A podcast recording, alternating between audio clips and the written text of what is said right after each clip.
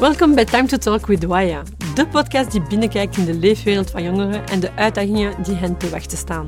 We kijken hoe we deze opkomende generatie kunnen begrijpen, ondersteunen en aanmoedigen. Dat doen we door elke aflevering in gesprek te gaan met experten en jongeren over de meeste actuele en belangrijke onderwerpen.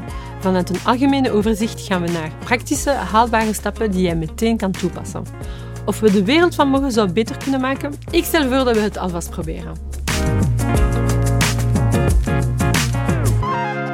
Hallo iedereen en welkom bij de eerste aflevering van Time to Talk with Waya. Vandaag zullen we het hebben over mentale gezondheid bij kinderen en jongeren. 1 op 7 kinderen wereldwijd heeft namelijk te kampen met mentale gezondheidsproblemen. Hoe kunnen we hier vroeg op inspelen en hoe kunnen we helpen? Over dit alles en meer praten we vandaag met Bieke de Tavernier, kinderpsychologe, en Mauro Michielsen, ex-voorzitter van de scholierenkoppel. Let's start talking. Over dit alles en meer praten we vandaag met Bieke de Tavernier, kinderpsychologe, en Mauro Michielsen, ex-voorzitter van de scholierenkoppel. Ja. Let's start talking. Hoe gaat het met jullie? Mauro? Bij mij goed. Ja, ik ben het eh, leven aan het leiden. Ehm, ik ben net begonnen met studeren, dus alles gaat best wel goed. Ja. Politieke wetenschappen. Politiek wetenschappen aan de VUB. Ja. En niet moeilijk? Ehm, ik heb echt nog maar mijn eerste lessen gehad, dus voorlopig nog wel oké. Ehm, en het is vooral super interessant en dat, dat helpt wel om te, om te leren. Ja. Oké, goed. En Bieke, hoe is het? Goed, eigenlijk heel blij om hier eh, vandaag te zijn, om dat eens mee te maken. Eh, dus goed. Om, ehm, om eerlijk te zeggen ben ik heel blij om over mentale gezondheid te hebben. Ik vind dat een hele... Het is... Begrijpen jullie waarom het vandaag nu een hot topic is? Mauro? Ja, absoluut. Ik was dus, zoals je net zelf zei, ik was ehm, twee jaar lang voorzitter van de scholierenkoepel.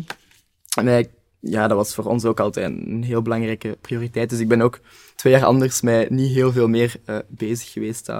Als wij dat bevroegen bij, bij jongeren, was dat altijd, dit is het thema waaraan je moet werken. Dus dat heeft bij mij persoonlijk ook altijd wel heel hoog op de agenda gestaan. En ehm, ik was zelf ook wel echt een corona-kid. Ehm, Ik zat in het middelbaar in corona. Wauw. Dus ik heb ook wel van heel dichtbij meegemaakt hoe ehm, het mentaal welzijn onder druk heeft gestaan. Ehm, dus daarom dat het voor mij persoonlijk ook wel een heel, een heel belangrijk topic is om over te praten. ehm, En awareness rond te maken. Dus Ja, ik ben heel blij dat ik hier eh, mag En aansluiten. ik ben ook heel blij. Volgens de laatste cijfers, Bieke, ehm 1 op 7 leidt 1 op 7 kinderen en jongeren ehm, aan eh, mentale gezondheidsproblemen Mhm. eh, in de wereld. Mhm. Ehm, weet, hoe komt dan dat dat nu echt zo... eh, het woord eigenlijk bestaat nu en, en dat er eigenlijk zoveel eh, over wordt gesproken Mhm. in de, in de hele wereld. Mhm. Hoe komt dat? Ik denk dat dat niet anders is dan vroeger. Eh, ik denk dat er vroeger ook heel veel eh, leed was die verborgen was. Ik denk dat het heel positief is dat dat nu dat het taboe minder wordt. Eh, maar dat dat ook een keerzijde heeft. Er wordt heel veel over gesproken en het wordt eigenlijk heel hard gemedicaliseerd. Er wordt eh, het gewoon u niet goed voelen, wordt bijna heel snel ook eh, ja, altijd als heel problematisch gezien, alhoewel dat ook een onderdeel is van het leven die op en neer gaat. Dus ik vind het heel goed, hè, want meestal zijn het de kinderpsychologen en psychiaters die zien wat dat er aan de hand is achter de schermen. Nu wordt het meer voor de schermen. Maar ik denk eh, ja, dat het toch heel belangrijk is dat we ook beseffen dat we krijgen een beeld van de maatschappij dat alles top, top, top moet zijn, maar dat dat niet het werkelijk leven is. En ehm, vind je ook niet dat het, eh, het feit dat het nu een hot topic is, is het sinds Mauro had het over COVID, is er eigenlijk echt een link met, ehm, met nu dat het eigenlijk nu wordt besproken, maar niet alleen bij psychologen, maar ook op school, eh, in de omgeving van mensen, eh, is, er, is er zo echt, eh, ook ouders hebben het er nu over, zonder eigenlijk met psychologen.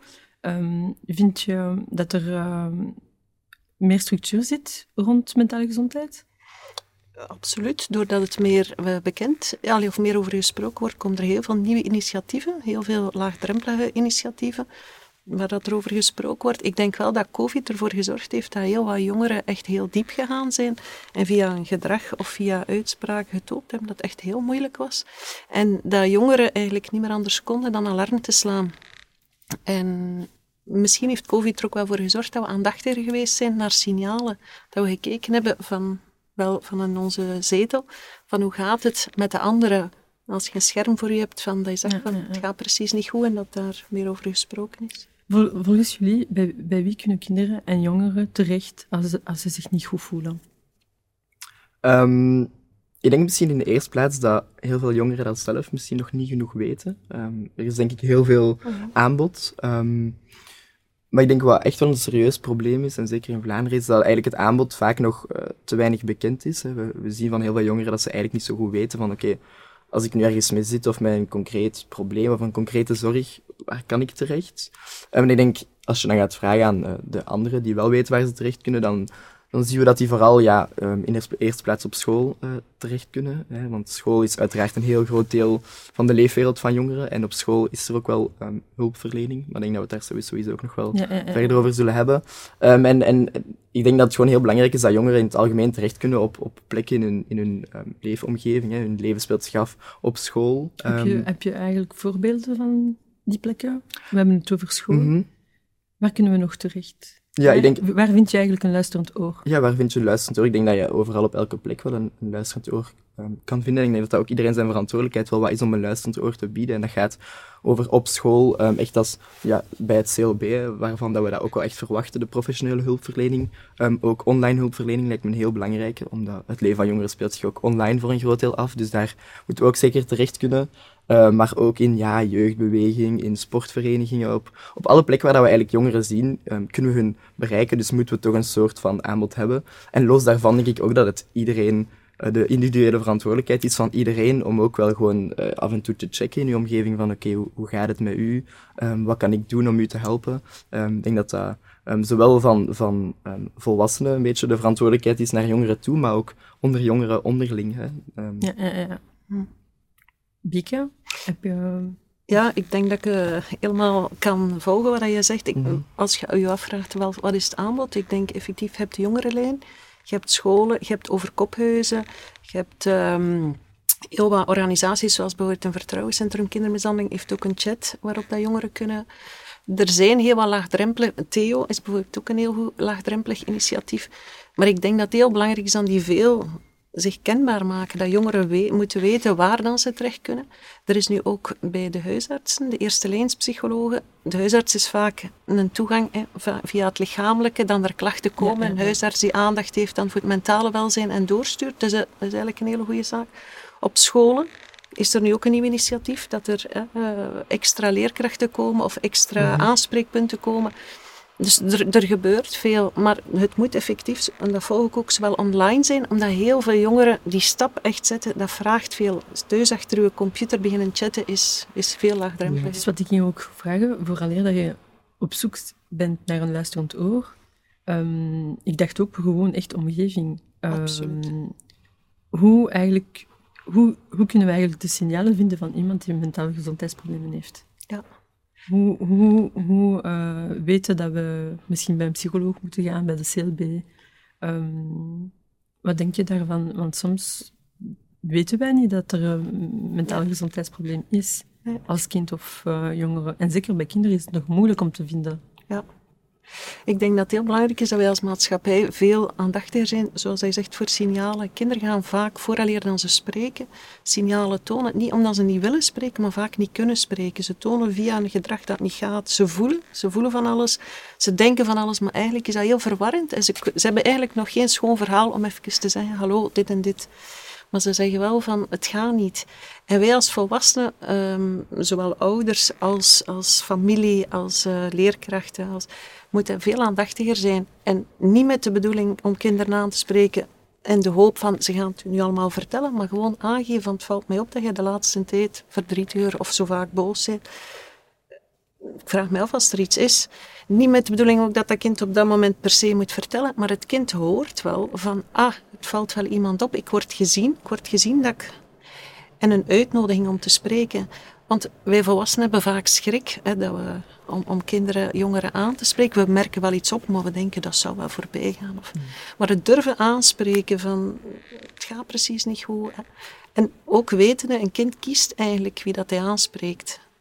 Wij kunnen kinderen aanspreken als professional of als moeder of als vader. Maar toch is het kind die gaat bepalen van bij wie voel ik me het meeste op mijn gemak. Bij wie wil ik mijn ouders bijvoorbeeld sparen, want die hebben al zorgen genoeg. Of wie ga ik aanspreken? dat is, en ook de moment kiezen ze. Dus het is heel belangrijk dat er verschillende mogelijkheden zijn, zowel op school als naast de school, waar kinderen dan uh, kunnen aankloppen. En heb je voorbeelden van signalen, gewoon voor misschien ouders die ons luisteren en kijken, welke type signalen zijn er als voor, voor mentale gezondheidsproblemen? Weet je, uh, wij professionelen wij splitsen dat vaak op tussen externaliserend gedrag en internaliserend. En dat externaliserend dat gaat over woedebuien, dingen kapot maken, uh, grof gebekt zijn. Uh, internaliserende signalen zijn veel meer het zich terugtrekken, het eerder depressieve, het eerder um, ja, je hebt externaliseerd, internaliseerd, maar je hebt ook kinderen die tot niks meer komen.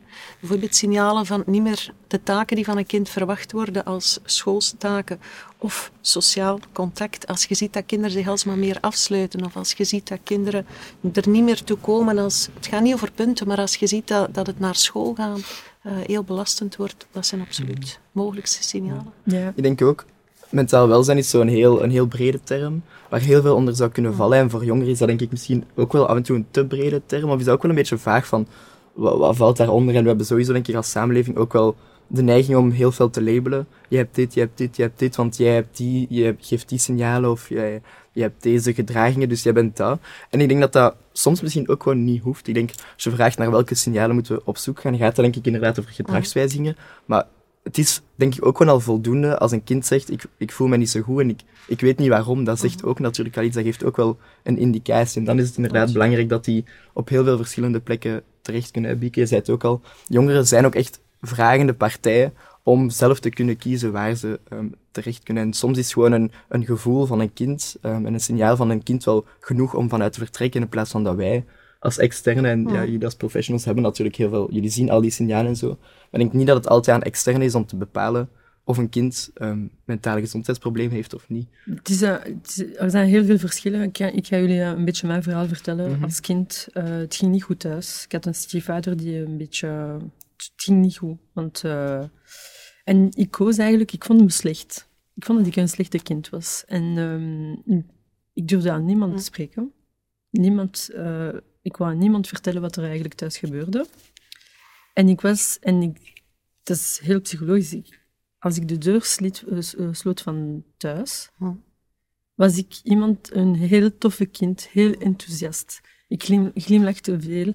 Ik probeerde alle activiteiten te doen op school om zo, zo lang mogelijk op school te blijven. Heel veel activiteiten de woensdag namiddag. Niemand wist dat er iets was, tot, tot op mijn twintig jaar. Hm.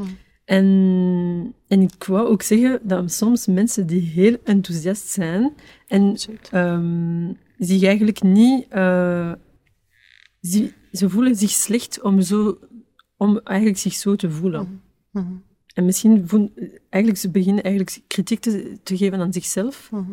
in plaats van gewoon te zeggen, misschien is er een mis en ik moet met iemand babbelen. En in plaats van dat heb ik nooit, nooit tijdens mijn van mijn, van mijn 12 tot mijn 20 heb ik daarover hm. nooit gesproken.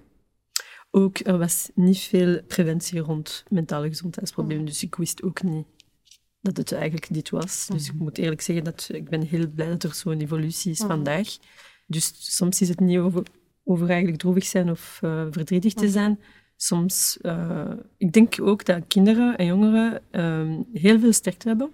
Absoluut. Um, vooraleer dat ze eigenlijk kunnen aan hun ouders of vrienden of tante of onkel mhm. of eigenlijk hun omgeving te zeggen, ja, ik voel me niet goed. Mhm. Dus uh, meer dan eigenlijk uh, volwassenen. Wat denk je daarover, Bika?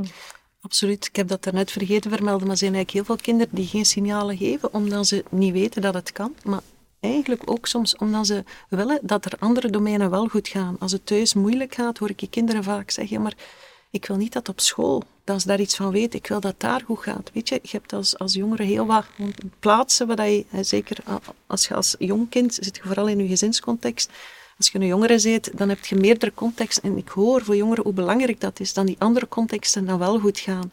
En dat ze eigenlijk soms heel bewust dat ook opsplitsen. Maar het maakt dat ze zich heel alleen beginnen te voelen en eigenlijk heel de tijd heel veel, zoals dat ik u hoor zeggen, naar zichzelf attribueren, noem ik dat.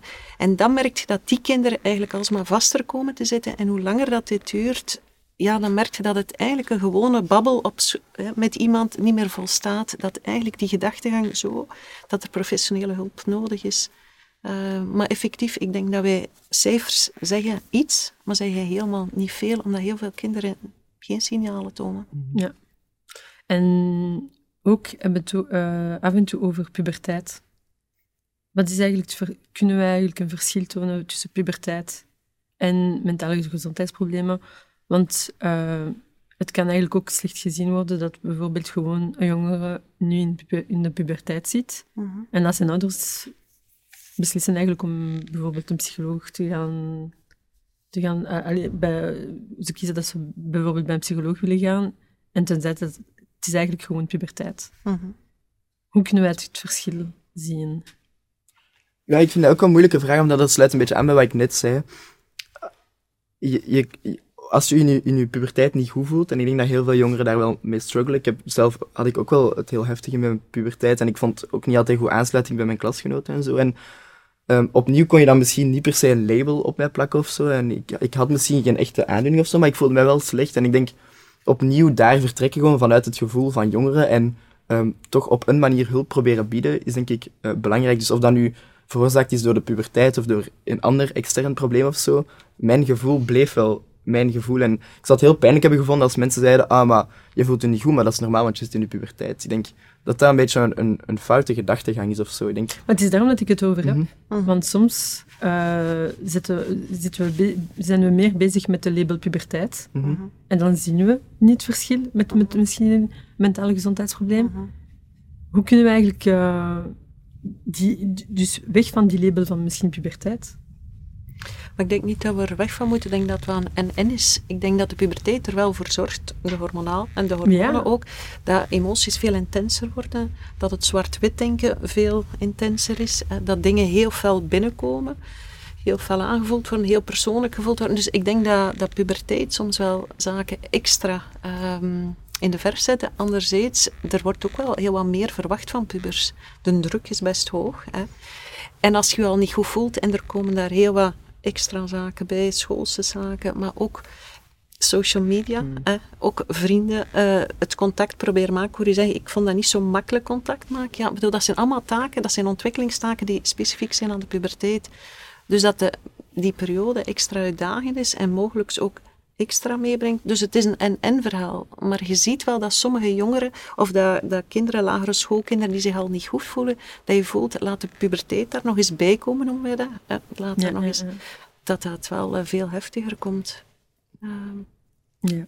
Ja, en jongeren zijn inderdaad super, super. Ik, ik ben net, ik ben dus zelf net afgestudeerd en als ik daar nu op terugkijk, jongeren zijn zo hard voor elkaar en dat is zo pijnlijk om te zien. Jongeren zijn streng voor elkaar en die verwachtingen liggen zo hoog, zowel um, op sociale media en, en in het echt en in de klas. En je moet binnen de marge lopen en op school heb je heel vaak nog zo de typische, ja. ook zo, jij bent, ja, dus, jij bent de cool kid, jij bent de, uh -huh. jij bent de strever, jij bent de nerd en dat is zo jammer om dat aan elk van... Ja, jongeren steken elkaar ook heel veel in hokjes en dat is ook gewoon super jammer, want bij elk van die hokjes, of elk hokje is ook wat gelinkt aan een soort sociale positie en, en die mag dat wel en die mag die niet en je moet dat dragen. En ik denk dat dat inderdaad wel allemaal factoren zijn die er bij de puberteit nog eens bijkomen, die het wel, wel extra, extra zwaar maken of zo. Ja, ja en denken jullie dat er nu over het feit dat er bijvoorbeeld je had het over social media. Ik vind dat social media in het begin was het heel negatief. Mhm. En ondertussen zie ik veel mensen die eigenlijk ook social media gebruiken om eigenlijk te tonen dat ze verschillend zijn. Mhm. En dat ze ook over hun mentale gezondheid Mhm. uh, babbelen. Uh, vroeger was het heel, bijvoorbeeld als we over Instagram hebben, uh, moest je gewoon perfect zijn. Mhm. En ondertussen zie ik de laatste jaren dat er meer en meer mensen oké, op school voel ik me niet goed, maar ik wil toch wel tonen wie ik echt ben. Meer en meer. En dus ja, uit die labels. Allee, voor mij, labels zijn helemaal niet goed. Mhm. Bijvoorbeeld, uh, ik heb een verschillende stijl. Um, op school was ik heel enthousiast, dus uh, ik, was, ik maakte heel veel lawaai, Yes. dus dat was ook een probleem. Dus uh, er is geen, er is geen gemiddelde, Mhm. er was al, altijd iets te zeggen. Mhm. Dus, en zeker, we komen nu eigenlijk over pesten. Pesten is toch voor mij is dat heel vaak gebeurd op school. Um, dat vroeger, voordat we over mentale gezondheid hadden, pesten was echt random. Af en toe had je, had je eigenlijk preventie, maar echt niet veel. Er was uh, niemand volgde echt een kind die eigenlijk gepest was. Mhm. Dus, um, Bieke, wat vind je nu dat er nu social media ook bij is en dat er soms af en toe... Iemand had mij gezegd, uh, ik heb hulp gevonden via mijn DM's met mensen die ik niet kende online, Mhm. want ik voelde mij... Um, ik, voelde mij beter dat ik kon aan iemand schrijven die mij luisterde, want rondom mij niemand luisterde naar mij. Mhm. En dat vond ik eigenlijk een interessant, interessante insight, dat soms social media kan je helpen. En zeker tijdens COVID Mhm. hadden we alleen social media. Mhm. Ik denk dat mentale gezondheid of u niet goed voelen is, is één zaak. Wat, dat, wat dat vooral het lastige is, hoor ik vaak aan kinderen en jongeren, is het alleen zijn daarin. Dus u, u alleen voelen en alsmaar u meer afgesloten voelen. Dus social media laten zeker ook toe om, als het niet zo goed lukt zo, om daarbuiten, eh, om, het is een manier om wel contact te maken met een buitenwereld als u eigenlijk afsluit. Dus er zitten zeker absoluut veel voordelen aan. Het is ook een manier om laagdrempelig contacten te maken. Maar anderzijds, weet je, deze generatie heeft, heeft we hebben social media, maar we hebben eigenlijk geen, geen, geen kader daar rond. We hebben dat gekregen en dat wordt alleen maar groter en groter, maar er is daar geen afgrenzing rond. Er is, er is ook weinig bescherming rond. Hè. Als er gepest wordt, online gepest wordt, ja, er is allemaal... Het is er, het heeft veel voordeel, maar er, er zitten ook heel wat zaken in die... Ja, geen begrenzing. Ik, ik las nu deze week dat ze op scholen één week per maand de gsm moeten afgeven en dat de leerkrachten door het venster staan te kijken en dan ze zien dat er veel meer gespeeld wordt. Dus je voelt, er moet ergens van bovenaf een, een limiete gezet worden om iets anders terug toe te laten. En dat denk ik toch, dat ik vaak zie in mijn praktijk. Social media is heel sterk, maar de verbinding face-to-face is, echt, altijd belangrijk. is, is absoluut belangrijk. Het letterlijk voelen van aanwezigheid, het naast één zitten, het aanraken. Eigenlijk is dat heel belangrijk. Ja, ja ik, ik vind zelf ook, en mensen verschieten daar soms van als ik dat zeg als jongere, maar ik vind sociale media oprecht een, een, echt een ziekte van de maatschappij. Omdat ik geloof echt dat er heel veel positieve dingen gebeuren op bijvoorbeeld Instagram. Je, het is een vorm van zelfexpressie, je kan er rolmodellen tegenkomen, tips rond mentaal welzijn. Maar tegelijk komt daar ook wel nog opnieuw een extra druk bij. En je hebt inderdaad die pestproblematiek die, die zich ook nu buiten de school verder zet. Want je zei, ja, op Online. school kan je gepest worden, maar als je de school verliet, stopte het ook wel aan de schoolpoort. Terwijl nu is dat iets wat jongeren heel vaak mee naar huis nemen. En daar is inderdaad geen, geen kader voor. En Instagram en sociale media in het algemeen blijft ook wel een heel, een heel fake plek. En ik heb het gevoel, of ik zelf voel mij in die fakeness of zo af en toe ook wel, wel heel eenzaam. Dus Mm. het is ook maar hoe je um, het platform gebruikt. En het kan iets heel moois zijn, maar ik geloof dat het nu vaak nog meer negatieve effect heeft dan dat het echt iets, iets moois is. Um, ja. Ja. Het geeft toegang, maar het, het, het, scherpt je vaardigheden aan om contact te maken. Niet. En dat is eigenlijk het voorbeeld van die school. Als je dan ziet, als die weg ligt, dan moet je contact maken. Dan moet je manieren zoeken van terug als kind te spelen. Of, en dat is, dat is het belangrijke, dat, dat gedoseerd is. Ik denk, social media is top, super. Maar gedoseerd. En ik denk dat dat over veel zaken gaat. Ja, ik denk dat alles uh, over de, ged, moet gedoseerd worden. Ik denk uh, in veel omgevingen. Um, ik, uh, ik had gekeken dat kinderen en jongeren vertellen ons dat ze graag makkelijker hulp zouden ontvangen in hun buurt en school. Dat is, we, we hebben het over school gehad, CLB enzovoort, mm. maar in de buurt.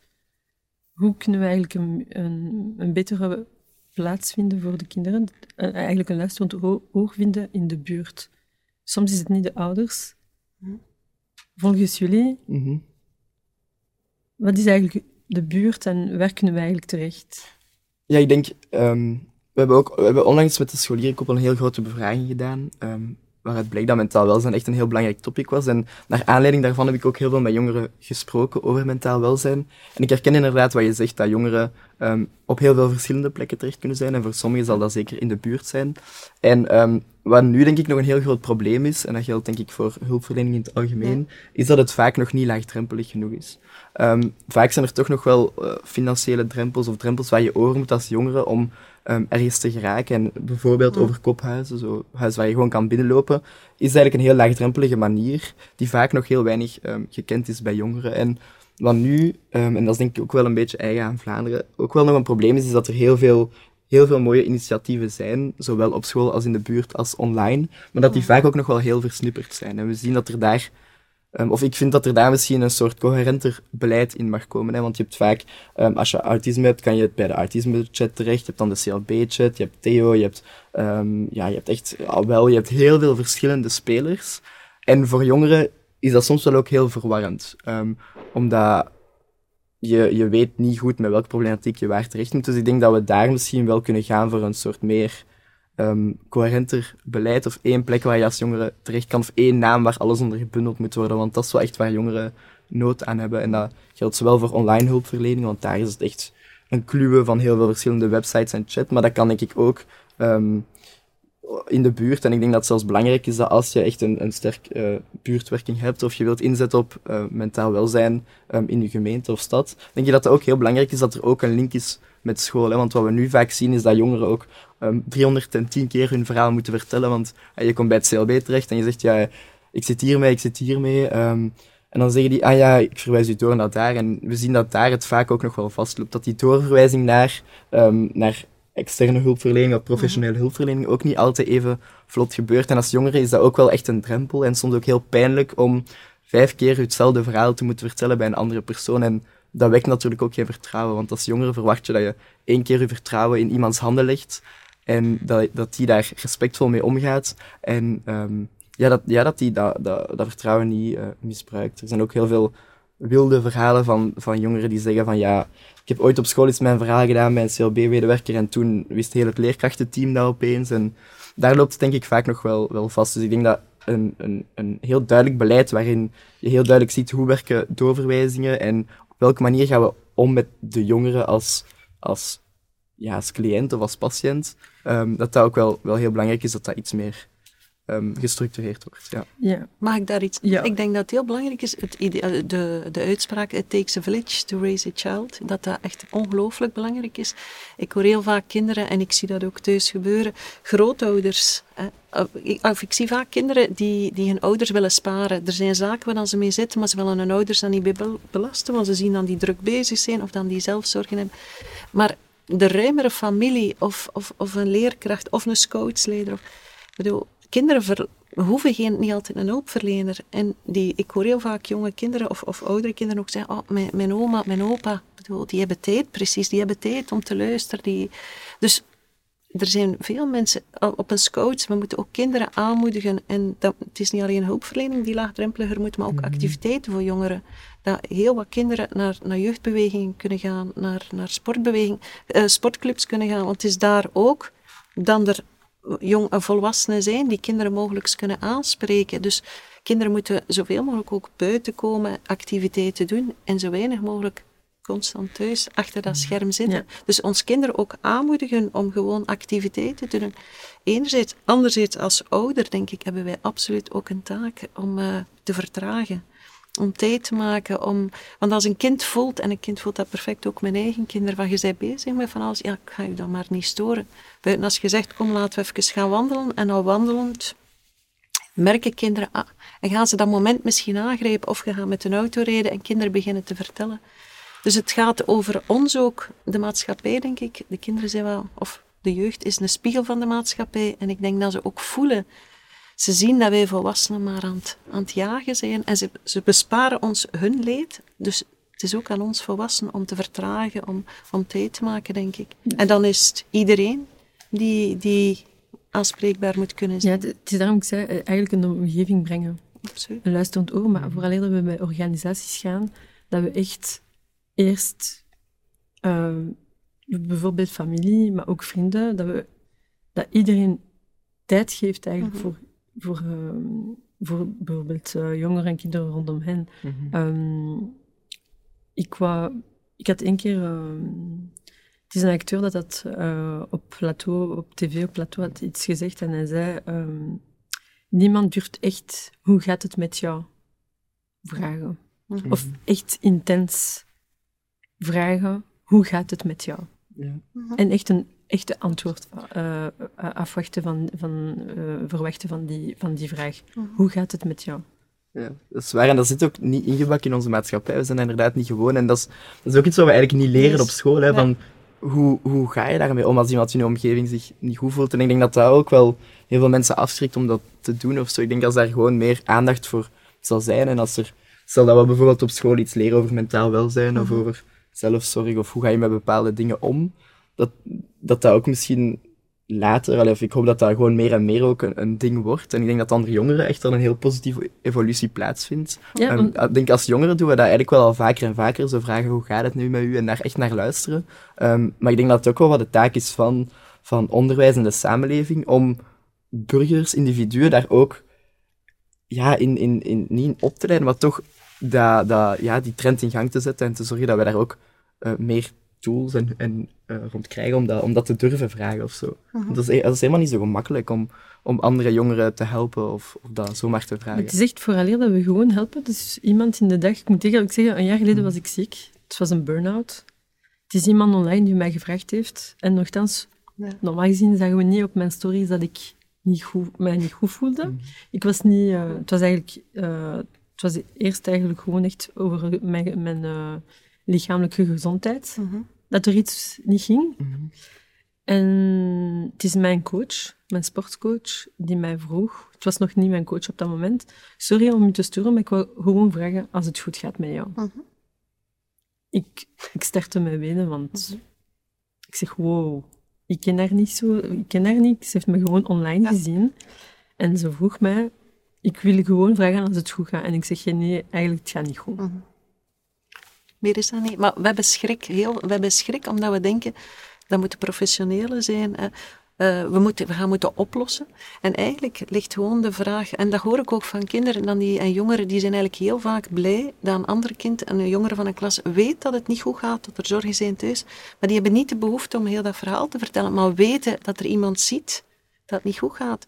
En toen mij denken aan een meisje, ik had ooit een meisje eh, langdurig in therapie, die zeer ernstig was misbruikt. En zij zei van, God, had er mij ooit iemand aangesproken? Want gewoon met de vraag, hoe is? Ik had niet verteld wat er gebeurde, maar dat had mij zoveel goed gedaan, dat iemand opmerkte dat het niet goed ging. Dus dat denk ik van is heel belangrijk, iemand die gewoon opmerkt. Dus iedereen kan dat. Allee, ja, er is eigenlijk... Ja, het is een heel simpele vraag. En, nog, en nogthans, dat, dat, dat brengt eigenlijk mee dat mensen echt interesse hebben over eigenlijk hoe jij je voelt. Dus, ehm, Mhm. dus ja, Bij meer en meer vragen. Allemaal doen, ja. ja, allemaal. Dat is een, een, simpele, een simpele vraag. Ehm, ik, had een, eh, ik had een andere vraag.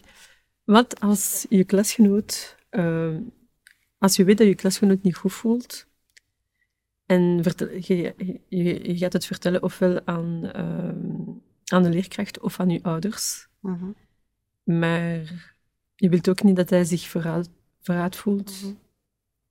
Hoe, hoe gaan we daar daarmee om? Dat is een heel moeilijke vraag natuurlijk, want dat is iets wat uh, supergevoelig ligt. En ik denk dat het heel normaal is dat je niet het vertrouwen van iemand die zo dicht bij u staat wilt, wilt schaden. Maar ik denk dat het hier opnieuw ook belangrijk is dat je gewoon in gesprek gaat erover. En ik denk dat het sowieso misschien ook niet aan u is om, om andermans problematiek te delen met de buitenwereld, want dan verraad je die of zo. Maar ik denk dat het vooral belangrijk is om heel veel met die persoon te praten en te proberen die zelf te doen inzien hoe belangrijk dat het is om, om misschien ergens anders professioneel hulp te zoeken. En ik denk dat het vooral belangrijk is dat, dat jij die persoon ervan overtuigt dat die de stap kan zetten naar ehm, extra, extra hulpverlening. Want wie ben jij om te bepalen of die persoon dat nodig heeft? Misschien heeft hij daar helemaal geen nood aan. Ik ga een insight brengen. Mhm. ehm, voor de Franstalige podcast van Time to Talk hadden we het over met Daniela, die komt van Tivorkust en ze doet eh, psychologische studies. En ze, zat, ze had het over de laatste maanden is er heel veel, ehm, heel veel jongeren die aan zelfmoord plegen, want er is, ehm, ze kunnen niet door met hun studies. Mhm. En eh, de maatschappij helpt ook niet. En dus het gaat over zelfmoord plegen. En, en daarom geef ik... Soms is het zo erg dat je moet helpen. Mhm. Dus ik wou toch wel die insight toe ook brengen, want eh, ehm, we zijn nu bijvoorbeeld hier in België, maar ehm, mentale gezondheid is nu Mhm. overal in de wereld. Het is eigenlijk een discussie. En er zijn verschillende niveaus van ja, mentale gezondheid. Ja. Dus daarom voeg ik dat toe. Ja, uiteraard. Ja, ik denk inderdaad dat je... Ergens moet je ook wel een grens stellen als je merkt dat het, het echt de foute richting uitgaat. Dan moet je, moet je natuurlijk wel actie ondernemen. Ik heb dat zelf, en ik vind dat so- soms ook nog wel moeilijk om over te praten. Ik heb zelf ooit ehm, de politie gebeld voor iemand anders. ehm, omdat ja, ik was ermee aan het converseren via sociale media. Mm. Ehm, en die zei van, ja, het gaat echt niet goed. En ja, die, die, die stond echt, denk ik wel, allee, op de rand van de afgrond. En dan heb ik wel echt de politie eh, gebeld voor die persoon. En het is me ook nooit in dank afgenomen. Die ouders waren super boos op mij. En die persoon zelf ook. Maar uiteindelijk, ja, als je, als je voelt dat je iets moet doen en je kan daarmee iemand, iemands leven redden, is dat wel een drempel die je, die je moet nemen. En er is ook niks mis met, met ingrijpen als het, als het echt dramatisch wordt. Want je Ja. wilt ook natuurlijk niet de verantwoordelijkheid dragen van, van niet op tijd iemand geholpen te hebben. Maar dat is, dat is natuurlijk iets, iets super intens waar ik daarna ook wel echt nog lang mee gezeten heb. Omdat, ja, dat, dat, dat doet echt iets met je als persoon natuurlijk. Ja. Maar er is ook een groot verschil in leeftijd. Als je als lagere schoolkind merkt dat het niet goed gaat met je vriend of met eh, een vriendin, ja, je moet het zelf ook kunnen dragen. Dus ik, zie, ik hoor dat soms wel, ik heb het verteld hè, aan mijn klasgenootje. En dan voelt je dat dat andere kind dat eigenlijk niet kan dragen. En dan is toch wel het advies van spreekt een volwassene aan, spreekt die leerkracht aan. Hè, of, dat, of ga samen, of spreekt uw ouder aan. Want de bedoeling is niet dat dat ene kind ook het andere kind helemaal mee... Natuurlijk, als je ouder wordt, zo, zoals jij, dan voelt je ook, kunt je veel beter inschatten van over wat gaat dat hier. En, en merkt je ook van, weet je, het feit dat dat kunnen gezegd wees. Ik vind dat je heel goed gereageerd hebt. Op een moment voelt je van, ja, hier komt je aan een limiet, hier moet ik hulp zoeken. En wat dat daar heel belangrijk in is, is dat je hem aangeeft, dat je aangeeft van, kijk, ik, ik vind dit zelf heel erg, maar ik, ik kan dat zelf niet dragen. Ik vind het heel belangrijk dat er hulp voor je komt. Ik merk dat hij heel bang zit dat er hulp komt. Ik denk echt dat... Dus mee die, die stap zetten. Maar een gast van 17, 18 of een kind van 10, 11 jaar die moeilijke verhalen hoort. Dus we moeten daar toch nog een onderscheid in maken dan die jonge kinderen. Dat is niet zo evident, want die komen thuis en die, die horen wat dat er allemaal gebeurt bij dat vriendje thuis. Ja, die kunnen daar niet alleen mee blijven zitten. Nee. Dus we moeten ook opletten met te snel te oordelen van die andere heeft gaan spreken. Ja, soms is het ook goed. Maar bijvoorbeeld als een kind, nu als we het over kinderen hebben, eh, ze komen thuis en ze vertellen iets over eh, een klasgenoot, Mhm. maar, ze niet, maar die kinderen weten dus niet dat, het eigenlijk, eh, dat die kind eigenlijk in een, in een probleem zit. Mhm. Dus de ouders luisteren altijd tijdens het eten bijvoorbeeld s'avonds, ja, het gaat eigenlijk niet goed met dat, met dat vriend Mhm. In de klas, maar het duurt weken en weken en weken. Mhm. Dan misschien die ouders zeggen, ja, er is iets met de klasgenoot van mijn kind. Ga ik op school? Mhm. Eh, ga ik, ken ik die ouders? Kan ik bij hen gaan? Mhm. Of de vriend uitnodigen en als ouder die zelf aanspreken van, weet je, ik heb gezien dat, dat mijn zoon of mijn dochter heel moeilijk zat en ik vroeg, wat is er aan de hand? En die vertelde dat, eerst een compliment geven van, amai, super dat je dat durven mijn zoon aanspreken hebt, maar ik maak mij toch eigenlijk wel zorgen als ik dat verhaal hoor. Eh, kan ik allee, mee samen nadenken als ouder dan van die vriend, nog niet onmiddellijk de grote middelen inzetten, maar mee dat kind uitnodigen, mee aanspreken van hoe is het met jou, ik hoor dat het moeilijk gaat. Misschien wil dat kind wel iets vertellen en dan het eerst laten op verhaal komen en dan kijken van wat kunnen we hier, wat kunnen we samen doen. Dus ook daar ligt het van, het is niet alleen hoe gaat het, maar als we weten dat het niet goed gaat, dat ook durven benoemen. Maar daarom niet zeggen van, "Ah, we gaan nu dat en dat doen, maar gewoon zeggen van, ik hoorde dat niet goed met jou ging. Ja. En zien we dat kind En daarmee doen. inderdaad, altijd de persoon in kwestie ook erbij betrekken. Hè, want opnieuw, wie, allee, wie bent jij om iets te beslissen in iemand anders naam? Ik denk dat het gewoon heel belangrijk is dat, dat je het er ook over spreekt. En ik denk dat uiteindelijk ook best wel veel mensen openstaan voor, voor hulp. Dus dat je ook niet bang moet zijn om die, om die ja, hulp te bieden of die door te verwijzen Ja. naar iemand. Ja. Sorry, ik was aan het denken, we zijn een zeer verbaal gerichte maatschappij. En emoties zijn vaak niet uit te drukken in woorden. Dus we gaan kinderen of jongeren aanspreken in de hoop van die gaan het nu eens gaan vertellen. En dat maakt dat die kinderen en jongeren een hele grote druk ook voelen van ik moet dat hier gezegd krijgen en ik krijg het niet gezegd.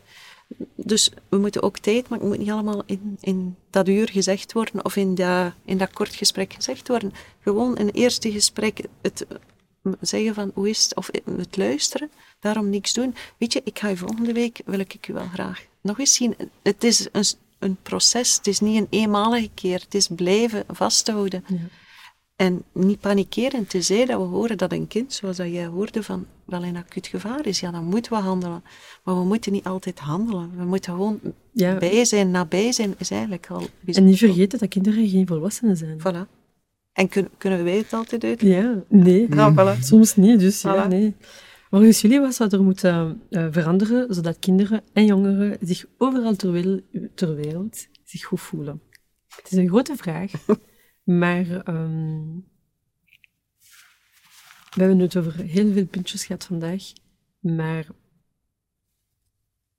hoe kunnen ze zich beter voelen?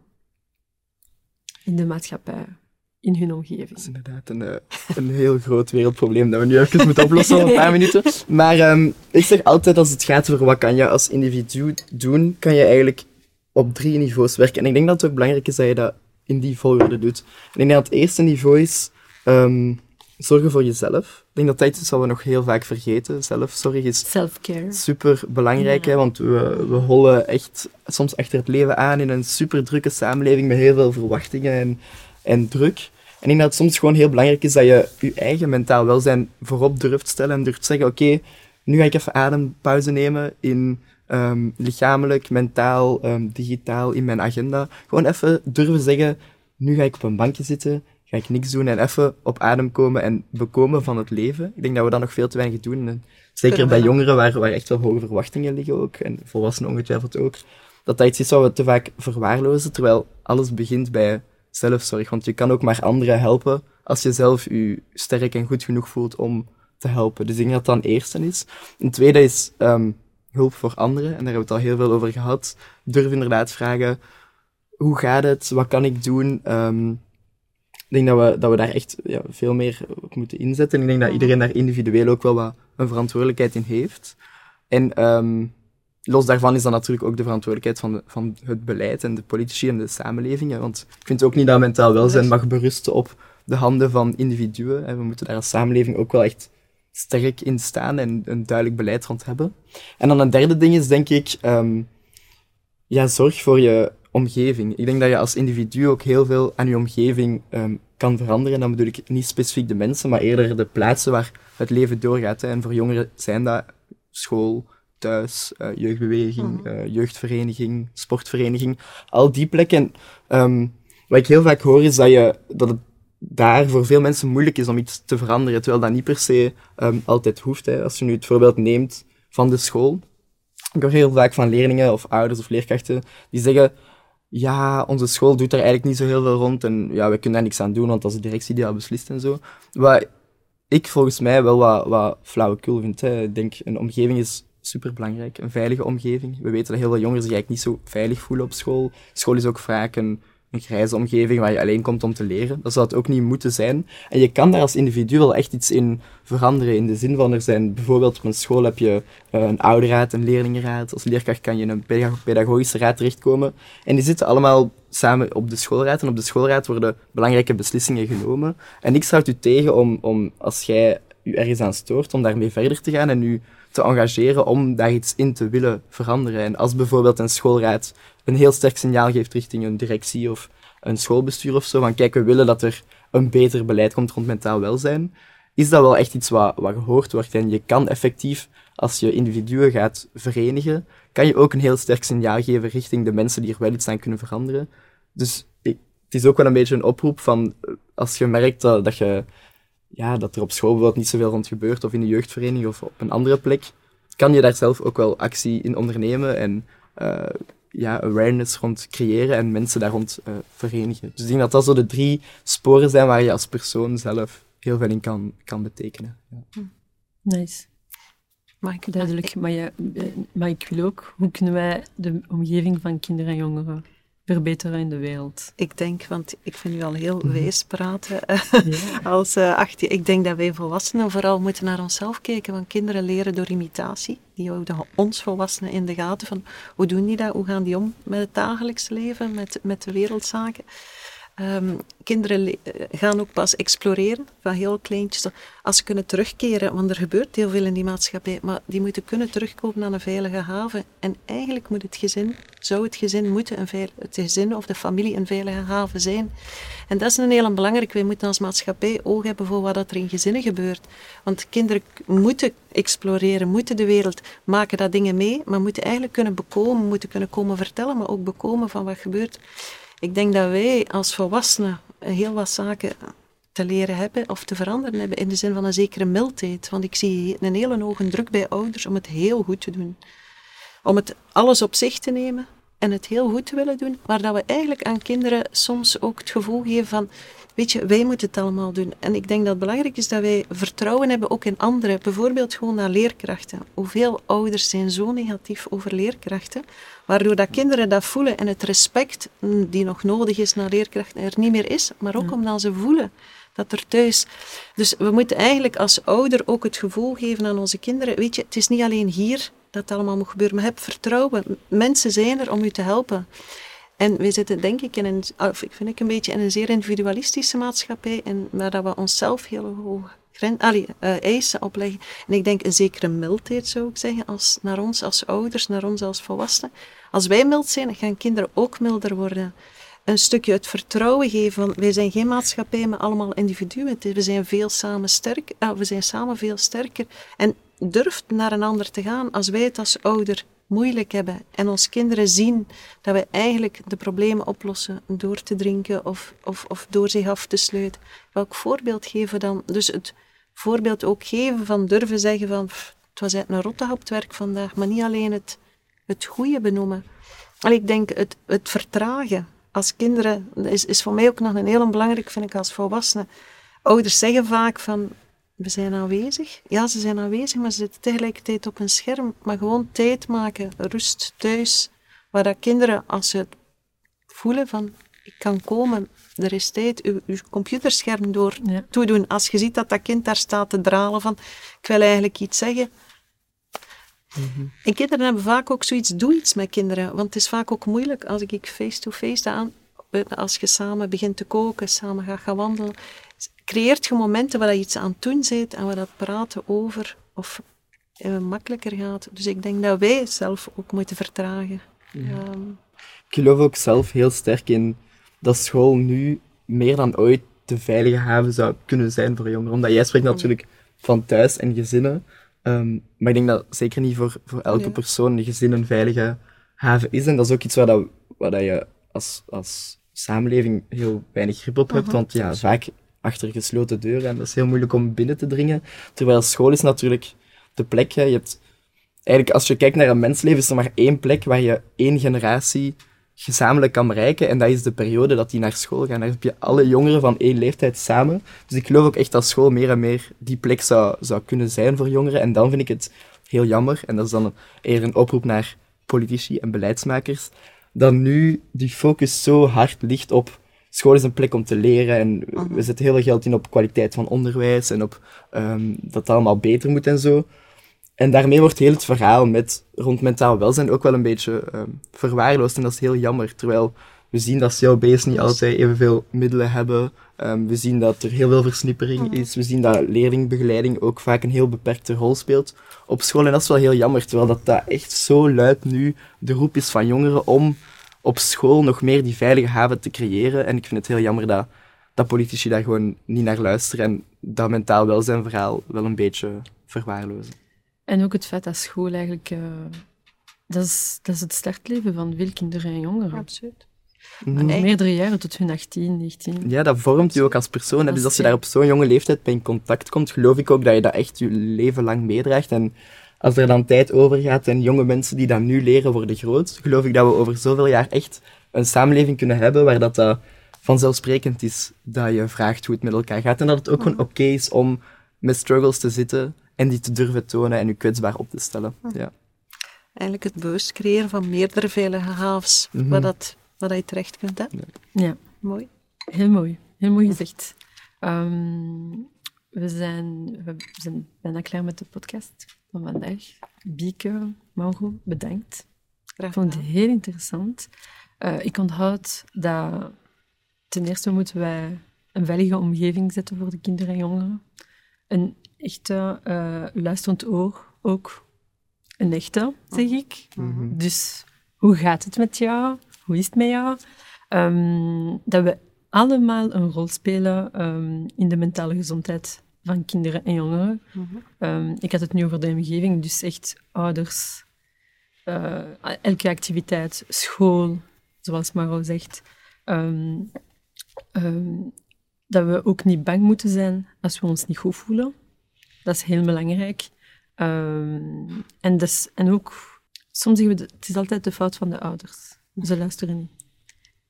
Maar hoe gaat het over het feit misschien dat het ook thuis niet een goede omgeving is? Het was bijvoorbeeld mijn geval. Mhm. Maar er is ook hulp voor ouders. We hadden het, van, we hadden het over die podcast alleen over ko- kinderen en jongeren. Eh, er is ook hulp voor ouders, dat moeten we ook zeggen. Absoluut. En, ehm, en ook preventie voor leerkrachten. Mhm. Eh, Maro zei iets over scholen. We zijn meer bezig met eh, andere begeleidingen dan eigenlijk ook misschien leerkrachten helpen om over mentale gezondheid te hebben. Mhm. Dus eh, voilà, bedankt voor die insights van vandaag. Goeie samenvatting. Couldn't agree more. Het is een goede Ja. samenvatting. Mhm, Zeker. Thanks, thanks. Ehm, dus het is het einde van de, de mentale gezondheid-episode. Bedankt om te luisteren. Dit was de eerste episode van Time to Talk with Waya. De volgende topic is klimaat en jongeren. Bedankt om te luisteren en te kijken. Als je meer wilt weten over mentale gezondheid bij kinderen en jongeren, klik op de link in de show notes.